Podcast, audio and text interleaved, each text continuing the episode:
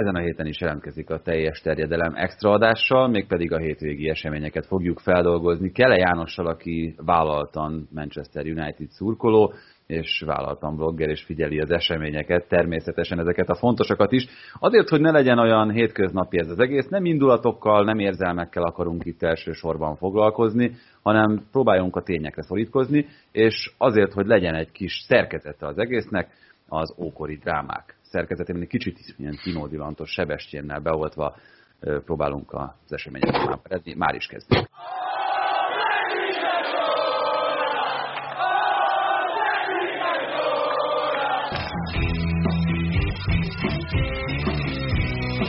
Ez a teljes terjedelem.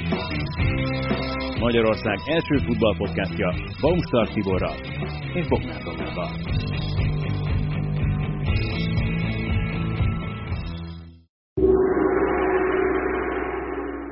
Hát ahogyan egy klasszikus dráma felépül, az első az expozíció. Az úr 2005. esztendejében a Glazer család megvásárolá vala az világszerte nagyhírű Manchester United-et. Hogy mit értünk ezen? Ugye itt a Glazer család saját vagyonából biztosított egy kisebb hányadot, 270 millió fontot, és további mintegy majdnem 800 milliót bankhitelekből, és hát azt kell tudni az akkori állapotokról és az akkori helyzetről, hogy a Manchester United már akkor bőven Sir Alex Ferguson irányítása alatt állt, két harmadik hely volt azokban az években a Premier League-ben, ugye 2004-ben és 2005-ben lezárult bajnokságokról beszélünk, és mind a kétszer, hogy itt a nemzetközi porondot is bevonjuk, egy nyolcad döntős kiesésről beszélhettünk a bajnokok ligájában. Nehéz oda visszautazni időben? Szerintem nem nehéz visszautazni, vagy nem tudom, az én rajongásom az az ezekhez az évekhez kötődik nagyjából. Ugye ez az az időszak, amikor Magyarországon már pár éve lehetett nézni a meccseket, tehát minden hétvégén angol bajnokságot, tehát az ilyen kötődés van a klubhoz itt erősödött meg igazán. Bár ugye a 99-es BL döntőt szoktam mondani, mint ilyen korszakhatár, tehát ott lehetett azért nagyon szerelembe esni azon a Manchester United, de nekem most sikerült, de hogy, hogy heti szinten lássam a mérkőzéseiket, és ez a kötődés az erősebb legyen, az nagyjából erre az időszakra tehető. És azért érdekes, mert ugye előtte egy-két évvel, tehát ez a 2001 kettes időszak, ott ugye ez nagyjából arról szólt, hogy a Real Madrid és a Manchester United a két nagy globális márka a futballban, amely kiemelkedik, a Pepsi reklámokat talán nem kell senkinek bemutatni, David Beckham átigazolás ebben a szempontból egy tökéletes szaga volt, és ugye pont a United indult el ebből a párharcból lefelé. Egyrészt az, hogy nem, nem tudtak bejutni 2002-ben a BL döntőbe a Leverkusen, tehát nem jött, nem jött össze az álomdöntő, akkor ugye 2003-ban megjött a Chelsea, tulajdonosaként Roman Abramovics az angol futballban, ha mindenképp egy korszakhatárt jelentett, és a United pedig úgy tűnt, hogy ezzel a versenyen nem tudja, nem tudja fölvenni a tempót, tehát sportszakmailag voltak kérdőjelek, akár Sir Alex Fergusonnal kapcsolatosan, akár azzal kapcsolatosan, hogy az az új csapat, amit ő elkezdett építeni Runival, Cristiano Ronaldoval, az mennyire lesz működőképes képes. Az első években nem tűnt feltétlenül hogy nagyon működőképes lenne. Ugye a két nyolcad döntős BL kiesésből az egyik a, a Porto elleni, elég szerencsétlen, ugye Tim Howard utolsó pillanatos potyája, amikor Kostinyi elé... A Mourinho becsúszását mondod. Hát ez ennek a következménye, tehát ez egy örök veszőparipám, hogy mi lett volna Mourinho, hogyha Tim Howard nem ügyetlengedi ott össze a, azt a gólt, ha jól emlékszem, akkor Kostinyi rúgta be egyébként az Old Traffordon talán. A másik az, az már sokkal szomorú volt, az egy tükörsima kiesés a Milán ellen, egy kettős vereséggel, egy 0-1-0-1 volt, ha jól emlékszem, de hogy a, arról valahogy az a benyomás, hogy ott már senki nem is várt mást. Tehát az a United akkor már nem tartozott a kontinens szűken vette litjébe, és ugye Angliában is úgy tűnt, hogy hát az Arsenal mögött ugye egyértelműen lemaradt már akkorra, és ugye akkor a Chelsea már elkezdte a fölkapaszkodást, és, és nagyon úgy tűnt, hogy az a, az a Sir Alex nem tudja fölvenni a versenyt, és ebbe a ebbe az időpillanatban robbantak be a glézerek ebbe a képbe, és ugye nem véletlenül meg is osztották a szurkolókat. Tehát az egyik fele a szurkolóknak azt mondta, hogy hát ez kell ahhoz, hogy, hogy versenyképesek tudjunk maradni a Chelsea-vel, akik ugye nyakra főre költötték el a, a, a pénzeket. A, a szurkolók másik része pedig arra mutogatott, hogy hát ez az a klub, ahol 1931 óta soha nem volt adósság. És ez kifejezetten az identitásnak egy ilyen kulcsfontosságú szerete volt, hogy a Manchester Unitednak nincs adóssága. Ö, és akkor ebbe a képbe jöttek be a Glazerok. Egyrészt a, a versenyképességnek az ígéretét adták, másrészt pedig azt adták, hogy, hogy hát ennek ára van, vagy azt az oldalt villantották, hogy ennek ára lesz, még pedig az, hogy a klub adósságba veri magát, vagy ők maguk adósságba verik a klubot azáltal, hogy, hogy hitelből veszik meg, és hát ez bizony megosztotta a szurkolókat. egy teljesen egyszerű és profán kérdés, hogy lehet az, hogyha valaki 270 millió font önrészt tesz bele, akkor föl tud venni 790 millió fontnyi bankitelt?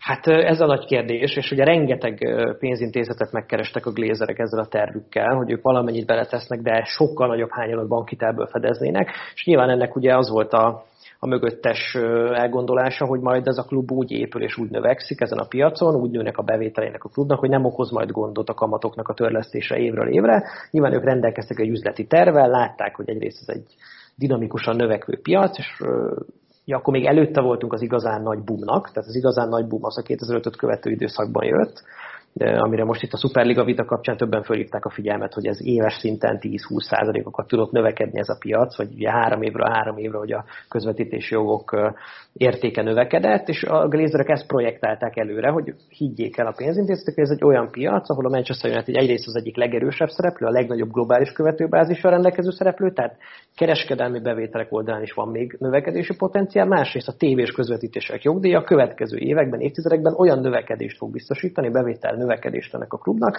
amely bőven ki fogja termelni a hiteleknek a, a kamatfedezetét. És hát ebben egy, egyrészt szerintem igazuk lett, másrészt a korabeli helyzetet azért jól mutatja, hogy nagyon nehezen találtak olyan pénzintézetet, aki ezt nem ítélte túl kockázatosnak ezt a projektet, és az a JP Morgan Chase nevezetű bankház volt, ugye Amerikából, amelyik azt belevágott ebbe az ötletbe, és azt mondta, hogy finanszírozza ezt a tervét a glézereknek, és érdekes módon ott dolgozott egy Ed Woodward nevű figura, aki hát az JP Morgan oldaláról menedzselt ezt az egész akvizíciót, és az neki ugye az lett a jutalma, hogy a, hogy a Glazerök jobb kezeként oda kerülhetett a Manchester Unitedhez. A De... folytatás ismert. Én mostanában hallottam ezt a JP Morgan. Mintha valahol feltűntek volna. Nincsenek, ne, nincsenek véletlenek, Roma, nincsenek. Ne csúsztunk nagyon bele itt a bonyodalom részébe, hiszen az következik, a klubot szívlelők legot hadakozának újraik ellen, megneszelék cselekedeteket, mely tám nem szeretett egyetüket segíti.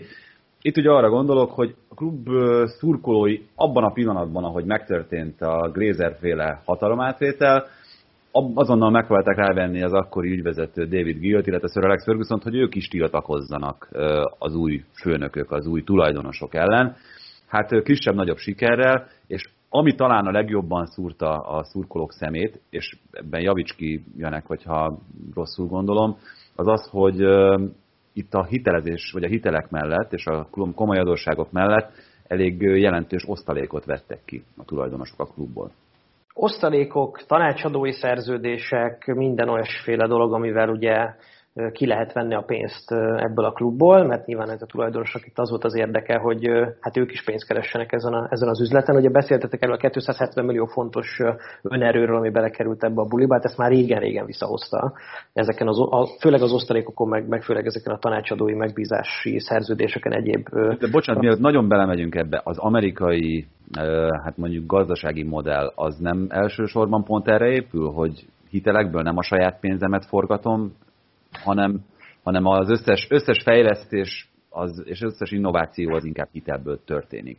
Én azt gondolom, hogy csak az amerikai modell működik ebben. Tehát megkérdez egy magyar vállalkozót, hogy ő mondjuk azt látja a saját piacán, hogy ő több terméket is, bármilyen a termékre gondolok, nem tudom, több izé, csokis bombon tudna eladni a piacon, mert van rá kereslet, csak a gyártó során a kapacitása nem, nem teszi lehetővé, hogy annyit legyártson, és azért venni kell egy új gyártóst, amit nagyobb a kapacitása, senki nem tőkéből fogja megvenni. Tehát ez egy ilyen üzleti alapszabály, nem tőkéből veszünk mondjuk gyártósort, ami a kapacitást növeli, megveszünk hitelre, mert abban bízunk, hogy ha tényleg van az a piac, amire mi gyártani szeretnénk, akkor ki fogja termelni, és felesleges a tőkéből elkölteni beruházásra. Tehát beruházni ritkán szoktak tőkéből. Tudom, persze ez nem lehet egy ilyen exakt igazság, mert bárki megtalál, ez lehetne kivételek, vannak kivételek, de azért ez nem olyan ördögtől való, mint amilyenek a futballban tűnik sokak szerint.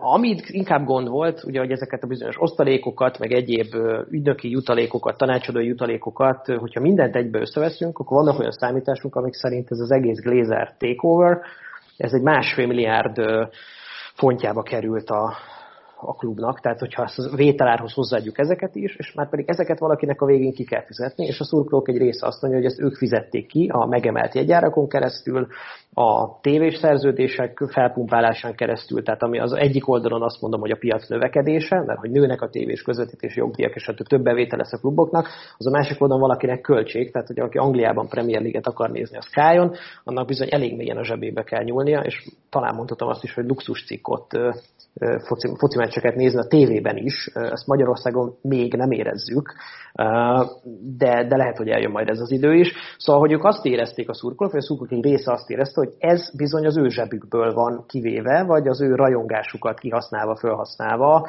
válik terméki a saját csapatuk, és hogy egy bizonyos ponton túl ezt ők már nem képesek finanszírozni, ezért kiszorulnak a lelátóról, de nem csak a lelátóról, hanem kiszorulnak a tévéképernyők elől is, mert mondjuk nem tudják megengedni maguknak a Sky előfizetést, vagy a BT előfizetést, még mondjuk a BL meccseket lehet nézni és ebben azért van némi igazság, hogy nem véletlenül 4000 szurkoló volt abban az időben, aki megalapított egy új klubot, ez az FC United of Manchester-t, ami hát bevallottan egy ilyen szakadár klub volt, az angol liga rendszer aljáról indultak, és azóta is működik ez a klub.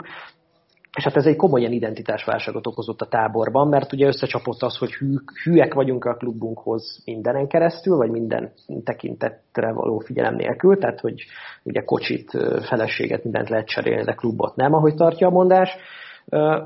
Meg ugye a másik ennek az egész morális töltete, hogy de hát valamit csinálni kell, és valahogyan protestálnunk kell ez ellen, ahogy a, le, a csapatunknak, a klubunknak a lelke vészel sokak szerint, és ugye ők ezt úgy oldották meg, hogy szakítottak a Manchester United-del. Ez egy nagyon komoly ilyen morális dilemma lehetett. Na hát akkor jöhet a következő részt, bevallom ez a kedvencem, az összes közül a kibontakozás. Telt múlt az idő, és a kezdetben még oly szilaj ellenszegülők hangja elcsendesedik a nagy diadalok morajában. Hát nagyon nehéz lenne nem diadaloknak nevezni azt, azokat, amelyek ebben az időszakban következtek, hiszen utolérte a korábban utolérhetetlennek hit Liverpoolt Angliában, a Manchester United itt bajnoki címek számában. Jött bajnokok ligája döntő ugye kétszer, 2009-ben, 2011-ben. Előtte már a Glazerékkel bajnokok ligája győzelmet ünnepelhetett a klub Moszkvában. Szóval nyilván ugye itt azt szokták mondani, hogy egy edző vagy egy játékos számára is a győzelem az, amit nem kell magyarázni. A glézereknek sem kellett magyarázni? Hát ez sokat segített, az biztos, hogy sokat segített az elfogadottságukban, bár azt gondolom, hogy nem lettek tőle annyira elfogadottak, mint a szerették volna. Tehát ennek az időszaknak, a mondjuk 2006 7, ugye akkor szereztek újra bajnoki címet, 2003 után volt egy három éves szünet, amiről itt a kezdetekben beszéltünk, hogy ez egy komoly hullámvölgy volt a klubnál. 2006-7-ben újra bajnoki címet szereztek, legyőzve Mourinho-t és a Chelsea-t. Aztán ott jött ugye Zsinórban három bajnoki cím, a végén már ugye a BL-ben is nagyon erős csapat volt, meg győztes csapat, döntős csapat volt a United, és ezt tartott ki nagyjából 2011-ig, ugye addig a bizonyos Guardiola, Sir Alex BL döntőig, ami hát a futball történelem egyik legmagasabb színvonalú, meg legjobb csapat teljesítményét hozta a Barcelona oldaláról. Tehát ennek az időszaknak a közepén 2010-ben is tartottak sajtóbeszélgetéseket a tulajdonosok, meg egy PR céget bevonva igyekeztek a sajtón keresztül a saját elfogadottságukat növelni, vagy inkább az utálatukat valamilyen módon föloldani. Tehát, hogy külön kellett... Bocsánat, nem tűntek el a lelátóról a zöld aranyszínű sálak, meg nem csendesedett el teljesen ez a mozgalom, csak tényleg, ahogyan itt az előbb fogalmaztam, ezeknek a sikereknek a zajában ez a kicsit talán le is csendesedett ordítozás, ez nem volt már annyira hallható. Hát persze, ilyenkor a, a sikernek, tehát olyan, akkor azért nehezebb eladni ezeket a, a világ vége gondolatokat, amikor a felszínen nagy siker van. És egyszerűen így működik az ember, tehát hogyha lát valami biztató élet, akkor meggyőzi magát, hogy azért még, mégsem olyan rossz ez, mint hogy, mint hogy elképzeltek. Persze voltak akkor is bökkenők, mert nem tudom, 2010-ben Wayne Rooney azt mondta, hogy ő távozni szeretne, mert nem látja az ambíciót a klubvezetésben, nem látja az ambíciót arra, hogy tartani tudják a lépést mondjuk a Manchester City-vel, az akkor egy elég nagy balhé volt de összességében Sir Alex, ugye az, ahogy ő felépítette a saját harmadik nagy csapatát ennél a klubnál, a harmadik nagy generációt is elvitte, nem csak az angol bajnoki címig, de a BL győzelemig is, az a valamelyes tompította a glézerek elutasítottságát a szurkolók körében, de ahhoz képest, hogy milyen jó volt ez a csapat, és mekkora sikereket értek el, ahhoz képest a tulajdonosok elutasítottsága kifejezetten magas volt azokban az években is. Minek kéne történnie ahhoz, hogy Mike Ashley-t a sikerek miatt elfogadják a Newcastle-nél, azon gondolkodom. Tehát elég lenne mondjuk egy Európa Liga, egy konferencia liga, vagy Hát elég, lenne, elég lenne kettő olyan szezon, amikor költ a csapatra. Igen, hát és most egy picit viccet félretéve ennek egyébként van egy nagyon érdekes vetület, egy ilyen nagyobb vetület is, ugye a Premier League-ben szereplő, ugye azt szokták mondani, hogy a Premier League-ben csapatot tulajdonolni az egy ilyen no risk befektetés, mert hogy ugye a tévés pénzeken simán megkeresed a, a hasznot, és olyan hasznot tudsz ott realizálni, amit más iparágokban egyáltalán nem. Bocsánat, ez, ez, olyan, ez pont olyan, mint régen a kocsmákban a játékgép, nem? Tehát, hogy nem kell eladnod egyetlen egy feles sem, a félkarú rabló hozza a bevételt. Igen, igen, igen, bár nem biztos, hogy ez a legjobb párhuzam, de, de hasonló, de értem a logikádat, Tibi. Szóval, hogy és azért ez vonzotta régen a kalandorokat is, hát gondoljunk a Portsmouth-ra, meg, tehát jöttek azok, a, amik, akiket most már próbálnak ezzel a, a rendszerre kiszűrni, ahogy például a Newcastle-nek is ezt a szaudarábiai tulajdonos váltását, mintha elnapolták, vagy megakadályozták volna. De hogy alapvetően esőnek is ugye az, a, az az üzleti modell, hogy hát az a lényeg, hogy ne essünk ki, mert egyébként sikerült nekik azt is, de hogyha ott vagyunk tartósan a Premier League-ben, ott a tévés közvetítéseken keresek annyit, meg a játékosok eladásából, megmutatásából, felfuttatásából keresek annyit, hogy a pénzemnél legyek, és ennél nagyobb ambíció az már olyan sok pénzbe kerül, hogy nem éri meg a kockázatot. És ha kicsit más volumenben gondolkodnak, akkor a Glazerek is ugyanezt futják a Manchester Unitednél, Kronki ugyanezt futja az Arsenalnál, csak nekik ugye nem a Premier Liga méz az bödön, hanem mondjuk a bajnokok ligája szereplés, vagy a brand érték. A Unitednél ugye még, még gyakorlatilag a BL szereplés sem befolyásolja a brand értékét, olyan polcon vannak hogy nem kell ebben olyan túl sokat befektetni, pont annyit kell befektetni, hogy ott legyünk ezekben a nagy pénzhozó sorozatokban, hogy a brandértéket fenntartsuk, mindig legyen egy-két nagy igazolás, meg el tudjuk adni, hogy ez egy nagyon nagy csapat. De nem nyerünk, tehát az, hogy kupákat nyerünk a végén, az a bevételt annyira nem befolyásolja a bevételszerző képességünket, meg a hasznunkat a végén, viszont nagyon sokat kéne érte kockáztatni, nagyon sokat kéne érte dolgozni, innoválni, stb. Na ez, na ez abszolút nem éri meg, vagy nem feltétlenül éri meg. Itt egyetlen egy dolgon csodálkozom, csak hogy a Podzó család neve nem került elő. De Igen, azt hiszem... az, ilyen, az ilyen mediterrán képzett társításokat hozza, tehát nem akarom ebbe az irányba elvinni. Tehát látjuk, hogy ez a, a fetisizált amerikai üzleti modellben is ugyanígy gondolkodnak a szereplők, mert racionálisak ők is. A podzóik nem biztos, hogy annyira racionálisak, de a végeredmény ugyanaz. Így van, meg az okai is a viselkedésüknek gyakorlatilag ugyanaz. Eljutottunk a tetőponthoz, ahol egyébként most tartunk. Itt egy kicsit gondolkoztam a megfogalmazásomban, majd elmondom, hogy miért. A fösvények köreihez tartozás vágya, vegyülve némi forradalmi buzgalommal, lángra lobbantá a békétlenség oly régóta pislákoló szikráját. Hát azt hiszem, ehhez nem kell magyarázatot fűzni. Joel Glazer bejelentette, hogy a Manchester United is csatlakozik ahhoz a 11 klubhoz, amelyik megalapította a Superligát néhány héttel ezelőtt, és valószínűleg tényleg ez volt az a motivum, az a mozdulat, ami, ami újra tényleg ezt a forradalmi tüzet ezt felhevítette. Abszolút, és az az érdekesebb, hogy közben meg a csapat évek óta talán a legjobb arcát mutatja. Ugye 2013 ban Sir Alex elment, és azért utána ezek a sportszakmai sikerek, amik elfették volna ennek a konfliktusnak a hátulütőt, ezek elmaradtak, és lényegében egy olyasféle kötéltáncot látunk a United-től, ami arról szól, hogy hogyan lehet egy klubnak az üzleti pozícióit, meg a brand értékét megőrizni, érdemi sportszakmai sikerek nélkül, meg kupagyőzelmek nélkül. Hagyjuk most a Liga kupát, meg az Európa Ligát. Tehát, hogy ezek, ezen a szinten, a United szintjén ezek valójában nem sikerek. Csicska tripla, ahogyan én ezt így neveztem el igen annak idején, de az számomra egy, na mindegy, ez egy ilyen személyes száj, tehát nekem az, az rendkívül fájt, amikor ugye annak a szezonnak a végén a Mourinho elkezdte ott azt a hármast így, és vagy mutogatta is ott a Európa Liga győzelem után, és a játékosok így átvették, és a számomra egy annyira méltatlan volt ez a klub egészéhez, egy FA kupa, Liga kupa, Európa Liga hármasra ott, na mindegy, zárója bezárva. Azt akartam elmondani ebből az egészből, hogy, hogy miközben nagyon a sportszakmai sikerek leszűkültek, vagy nem voltak, vagy nem voltak számottevőek, közben 2012 és 18 között a klub kereskedelmi bevételét, tehát nem a tévés pénzek, ez döntően a szponzori bevételek, meg az egyéb dolgok, tehát a kereskedelmi bevételeit a két és félszeresére növelte hat év alatt. 2012 és 18 között, ezt néztem most meg, Egyébként a 19-et nézem, az is hasonló, ugye most, most a Covid évebben kicsit visszaesés mutat, de hogy két és félszeresen növelte hat év alatt úgy, a szponzori bevételeket, a kereskedelmi bevételeket úgy, hogy a csapat a korábbiakhoz képest összehasonlíthatatlanul rosszabb volt. Tehát valahol mégiscsak azt mutatja, hogy a futballban, mintha elválna az üzleti sikeresség a sportszakmai sikerességtől. És ez az, amit rendkívül nehezen emésztenek meg a, a szurkolók. Tehát ezért lehet az, hogy, hogy, hogy a, a, nem tudom, a sportközgazdászok szemében mondjuk az Ed Woodward az egy zseni, és ha megkérdezel egy átlag szurkolót Manchesterben, az meg a pokorra kívánja konkrétan Ed Woodwardot, mert ő azt látja, hogy Tony Kroos helyett Fellainét igazolta le.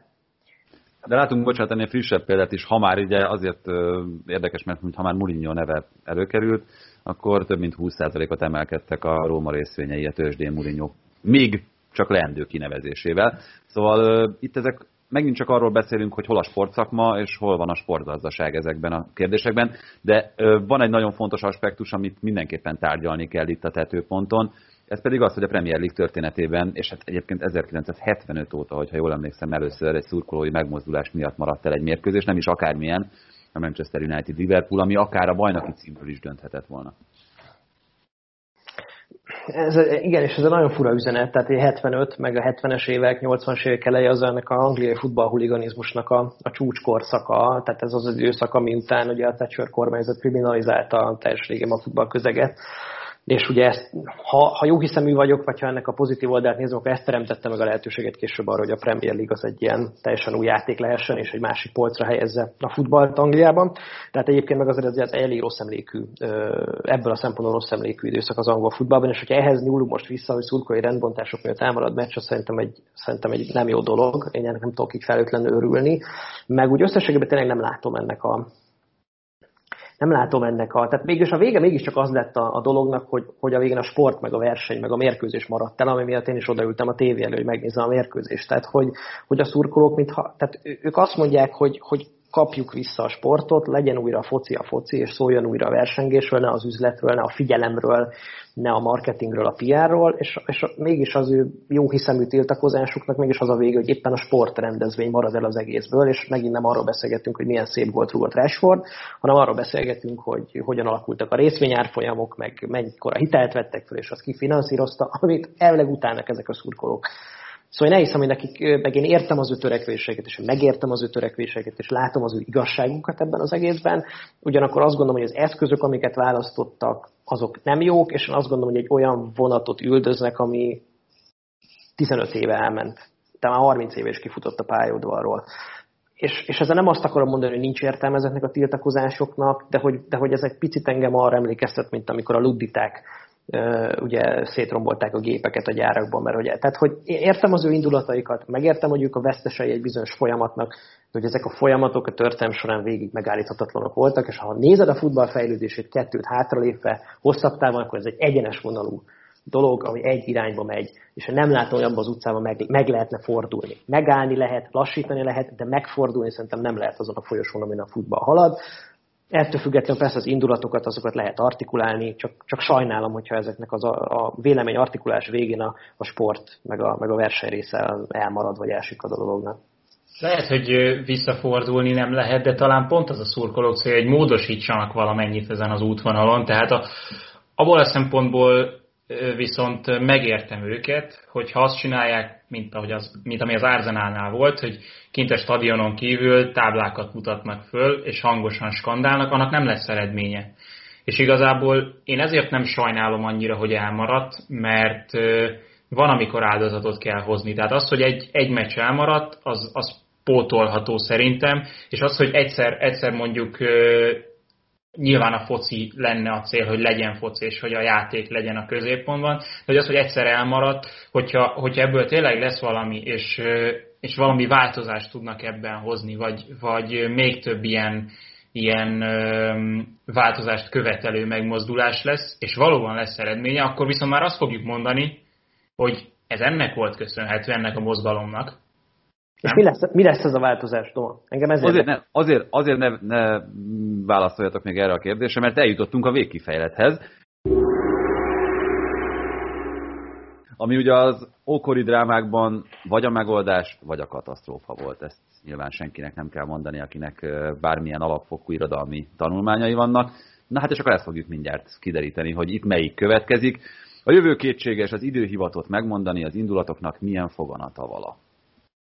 Nos, milyen? Lesz egyáltalán bármilyen? Lejátszák a meccset egyáltalán? lesznek új szabályok, akár a Premier League szintjén, és itt tényleg csak kérdéseket tudok föltenni. Hát, ahogy a Bundesligában ugye már eleve bekerült egy fék, úgy én el tudom képzelni továbbra is. Annak ellenére, hogy nyilván a, mindenki azt mondja, az 50 plusz egy nem működne Angliában. Doma, de... a, a Bundesligában az induláskor került be ez a fék. Igen, ezt mondom. Féket nem tudod beszerelni utólag. Nem, nem, került, ki, nem került ki a fék. Igen, nem került ki a fék. És ennek, ennek pedig az oka a Kirchcsőd, ugye az a bizonyos Dortmund fiasko, amikor lényegében korábban, pár éve korábban BL győztes Dortmund ugye csődbe ment a Kirchcsőd kapcsán. Ezt akarták megakadályozni, és ezért nem vették ki azt a féket, amit a, pontosan ugyanabban az időben, ha ezt elhelyezed egy idővonalon, 2001-2-3 környéke, amikor elkezd fölfogni az a termék, amikor megjönnek az Abramovicsok, Abramovics érkezés a nemzetközi futball történetében korszakhatár, és ezt nem, nem, nem lehet eléggé artikulálni, hogy ott az egész működési logikája változik meg a sportnak. Nem csak Angliában, persze ott volt ez a leglátványosabb, de az egész világon. És a németek akkor, amikor mindenki kivette a fékeket, vagy, vagy elkezdett, elkezdte a korlátokat lebontani a növekedéssel, a németek akkor határoztak arról, hogy nem lehet bizonyos határokon túlmenni, mert az veszélyeztetheti a kluboknak és az egyesületeknek a fennmaradását. És ez, nekem ez a legnagyobb problémám, hogy, hogy igen, tehát hogy szágult egy autó 20 éve, kisodródott egy kanyarban, és akkor most azon vitatkozunk, hogy kéne beszerelni féket. És hogy valószínűleg menet közben nem lehet beszerelni a féket szerintem se. Én ezzel nagyon egyetértek, és hogy kicsit leszűkítem ezt a Unitedre, én, én azt nem látom, hogy mi a, szur, tehát mi a szurkolók célja. Tehát azt szeretnék, hogy a glézerek adják el a klubot, vagy vezessék be az 50 plusz 1-es szabályozást a Premier League-ben. Szerintem lehetetlen, de itt szerintem még a konkrétumok ennél is érdekesebb kérdések. Ugye megtörtént ez most vasárnap, azt ígérték a szurkolók, hogy meg fog történni legközelebb is. Ez hova vezet? Mert kijelölhetik a meccs időpontját kétszeres átszervezéssel a következő hétvégére, úgyhogy a Liverpool West elhalasztják, és akkor oda beteszik annak a helyére a Manchester United meccset, ami egyébként néhány nap pihenőt adott volna a Szulsár csapatának, most itt futballszakmáról tényleg ne beszéljünk ebben a helyzetben, de akkor, akkor mi a helyzet? Akkor megengeded az Arsenal szurkolóknak is, hogy a legközelebb az ő meccsük maradjon el, mert ők Macronkit nem szeretik? Szóval én ennek a, ennek a végét nem látom. Hát én azt gondolom, hogy az, hogy elmaradt a mérkőzés, az annak is köszönhető, hogy a rendfenntartó erők ezt nem vették kellően komolyan, azt gondolom talán. Hogy hogy jutottak be szurkolók a stadionba, azt hagyjuk. De, de nem, nem ez számított, hogy, hogy bejutottak a szurkolók a stadionba. Az számított, hogy blokkád alá vonták a Lauri szállodát, és az, hogy utána az útvonalat, ami a szállodától a stadionig tart, a rendőrök nem tudták biztosítani. Nem, nem valószínű egyébként, hogy a jövőben lesz lehetőség és kapacitás arra, hogy ilyen hosszú útvonalat biztosítsanak úgy, hogy ott ne legyenek fürtökben szurkolók, vagy ne jöjjenek elő a házak között. Most csak tényleg egy ilyen, egy ilyen elég furcsa képet próbálok lefesteni ezzel kapcsolatban, mert szerintem itt van valahol a lényeg, az meg teljes nonsens, hogy bújtatni kell a játékosokat, meg a csapatokat azért, hogy ne tudják megakadályozni a meccskezdést, és itt most megint csak nem, nem az egészről mondtam véleményt, hanem a tényeket próbáltam felsorolni. Ez, ez ilyen apokaliptikus nekem egy kicsit, amit mondasz, nem kizárt, hogy ez lesz egyébként, és az azért érdekes, mert a Superliga vita kapcsán is végig arról próbáltam beszélni, hogy itt a valódi törés van, sok törésvonal van. Az egyik ilyen valódi és nagyon mély törésvonal a helyi szurkolók, a helyi meccsre járó szurkolók és a globális közönség között van. Tehát, hogy azt érzik a helyi szurkolók, hogy ők kevésbé fontosak a kluboknak, mert hogy kevesebb bevételt tudnak termelni azáltal, hogy meccse mennek, miközben a globális közönség az úgy tűnik, mintha végtelen lenne, vagy korlátlanul növelhető lenne, mert még mindig mennyi új piac van, és még mindig mennyi új tévénézőt lehet ezzel bevonzani, és hogy inkább arra figyelnek a klubok, hogy ott nekik kedvezve, nem tudom, más időpontba helyezve a meccseket, és csak néhány példát említek. És amit te mondasz, Tibi, ez pont arra mutat rá, hogy na hát a helyi szurkolók csinálnak valamit, aminek a vége az, hogy ők lesznek a fontosabbak, mert meg tudják tagadni, vagy el tudják venni a meccs élményt a nem helyszínen lévőktől. Maguktól is elveszik a, de úgy, a meccs élményt, de úgy tűnik, hogy nekik ez most megér annyit, hogy ebben a, ez, ez mentén a törésvonal mentén hozzájuk kerül a kezdeményezés, vagy a nagyobb erő. Ez egy nagyon érdekes szempontja ennek a dolognak, és szerintem ennek így nagyjából beláthatatlan következményei lennének, ha ezt ők tartósan meg tudnák csinálni. Tehát ez a, nem tudom, globális futballiparnak, üzleti modelljének az alapjait kezdenék ki, ugye, hogy meccs az mindig van, és állandó időpontokban van, és az a világ minden részén nézhető. Nagyjából erről szól ez a dolog. Hát igen, illetve itt vetődik föl az, hogy akkor, akkor mit tud tenni ez ellen például a Premier League, mint eddig borzasztó erőskezű szervezet, ugyan, ugyanígy beszélünk a Premier League-ről, az UEFA-ról, az összes többiről, akik ezeket eddig simán le tudták söpörni az asztalról, de most mit tegyenek? Megbüntessék a klubot? Odaadják 3-0-val a Liverpoolnak a, a mérkőzést? És Semleges azt, helyszínen ilyenek jöhetnek be, tehát hogyha Manchester, Manchester United nem képes a saját pályán biztosítani a mérkőzés és feltételeit, akkor vagy 3-0-val jóvá kell az ellenfélnek, vagy azt kell mondani, hogy semleges helyszínen próbálják meg bepótolni. Ilyenekre tudok gondolni, de hát ezek nagyon, nagyon összfér megoldások. Hát meg így eldőlni a bajnoki címnek, most csak, hogy tényleg megint egy szempontot behozzak, az azért hihetetlen veszteséget jelent a Premier League számára. Egy picit még oda visszakanyarodnék, hogy az egésznek mi lehet a föloldása, tehát egy katasztrófa vagy föloldás, és amit én nem látok ebből, látom az indulatok okát, meg látom azt, hogy ez mire jó eszköz, és mire hívja fel a figyelmet, és ezzel nincs is olyan nagy bajom. De nem látom a föloldás vagy a megoldás lehetőségét. Tehát, hogy eladják a glézerek a klubot, kinek tudják eladni? Ugye mennyibe kerülhet a Manchester United? Nagyon sok latolgatás, meg értékelés olvasható most erről. Azt mondják, hogy kb. 3 milliárd fontért válna meg ettől a klubtól a glézer család. Ez döbbenetesen se. Ilyen üzleti alapon azt gondolom, hogy nincs olyan befektető, aki pont most ebben az időpillanatban ennyit kifizetne egy ilyen klubért, amikor arról van szó, hogy az üzleti modell alapjai recsegnek, meg düledeznek, kellene növelni a bevételeket, de ezt az UEFA akadályozza, meg a Nemzeti Szövetség akadályozzák, elbukott a Project Big Picture, mert nem tudtak több irányítási jogot magukhoz vonni a nagy klubok, nem tudták megszerezni az overseas, tehát a külföldi közvetítés jogoknak a teljes egészét, tehát mintha lenne egy plafonja a bevétel képzésnek, hogy nem tudják a teljes potenciáljukat kihasználni ezek a klubok, ha, ha ezt látja egy befektető, akkor biztos, hogy nem fog bemenni erre a piacra. Megállt az egész piac növekedése, és közben a, a legnagyobb kluboknak a bevétel képző képessége és korlátba ütközik. Biztos, hogy nem lép be ide senki 3 milliárd fontért. Aki beléphet, azok nem tudom, ilyen olaj, olajmilliárdos monarchiáknak a, a korlátlanul mély pénztárcával rendelkező, ugyanakkor kevésbé demokratikus és a liberális jogállamban kevésbé hívő tagjai, akik nem tudom, újságírókat oldanak föl, nem tudom, savba, ugye, vagy nem, tehát hogy most tehát, hogy az a és ez mennyivel jobb? Tehát, hogy, hogy ez, ennek majd örülnek akkor a szurkolók, hogy a, új, lesz egy még rosszabb tulajdonos? Vagy a szurkolók akarják saját tulajdonokba venni a klubot? Akkor, akkor kiveszi meg Sancho-t 100 millió fontért nyáron? Van, megvállalják a veszteségeket is egy olyan évben, mint amilyen ez az előző volt? Tehát igen, nagyon sok érdekes kérdés vett föl. Egyetlen egy lezárás, katasztrófa? Tehát itt valami apagyilkosság lesz a végén?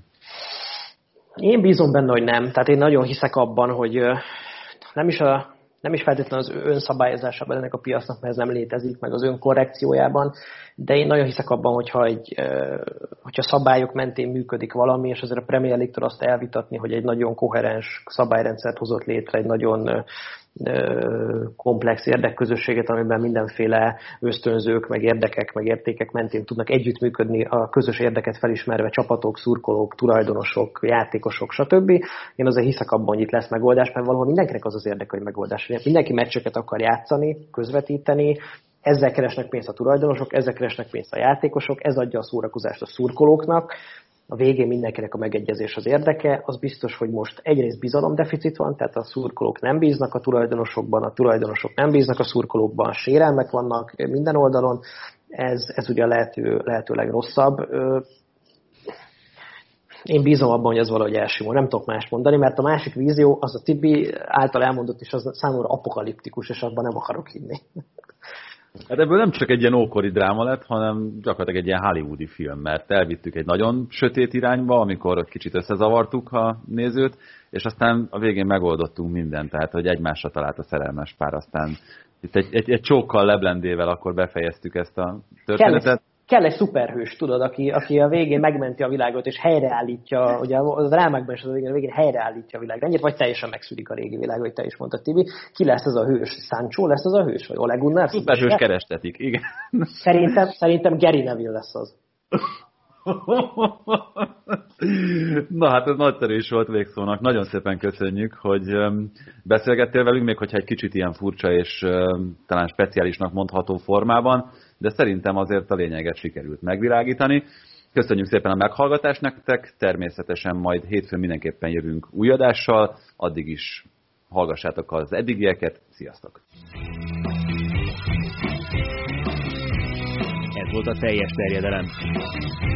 Magyarország első futballpodcastja Baumstark Tiborral és Bognár